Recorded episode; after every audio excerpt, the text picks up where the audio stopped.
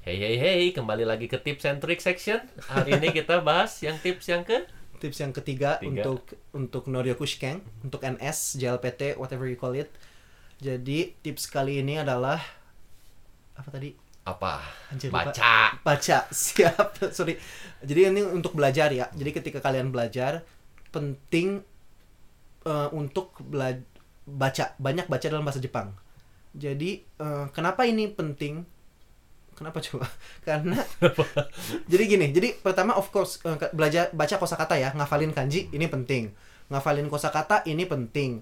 Tapi satu hal yang juga penting adalah banyak membaca, baca yang sederhana aja, baca komik misalnya Doraemon kayak apa kayak, tapi baca dalam bahasa Jepang. Dan ini penting karena eh, kalian butuh baca cepat. Jadi semakin lambat kita baca, semakin banyak habis waktu. Padahal waktu per soal ini kan nggak terlalu tinggi dalam Iya. NS. Jadi eh, baca ini pasti menguntungkan untuk semua apa pun yang dilakukan di NS. Eh, untuk dokai atau reading comprehension, bagian pemahaman membaca, jelas ini sangat penting ya karena kita butuh baca dengan cepat banyak teks.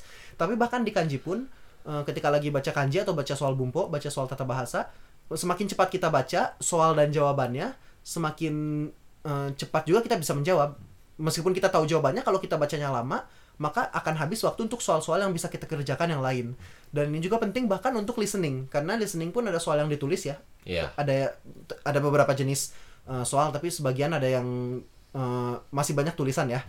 Eh, at least untuk jawabannya, pilihan jawabannya. Kadang-kadang tuh masih ada yang tulisan. Ada yang beneran nggak ada sama sekali sih. Cuman untuk yang masih ada tulisan, ini penting. Seandainya kita membacanya terlalu lambat, maka eh, ketika si soalnya udah selesai, misalnya kita belum tahu tapi ini Tahu, apa sih yang harus kita belum selesai baca. ya. Biasanya kan kita dikasih waktu sedikit untuk baca jawaban sebelum soal dibacakan ya.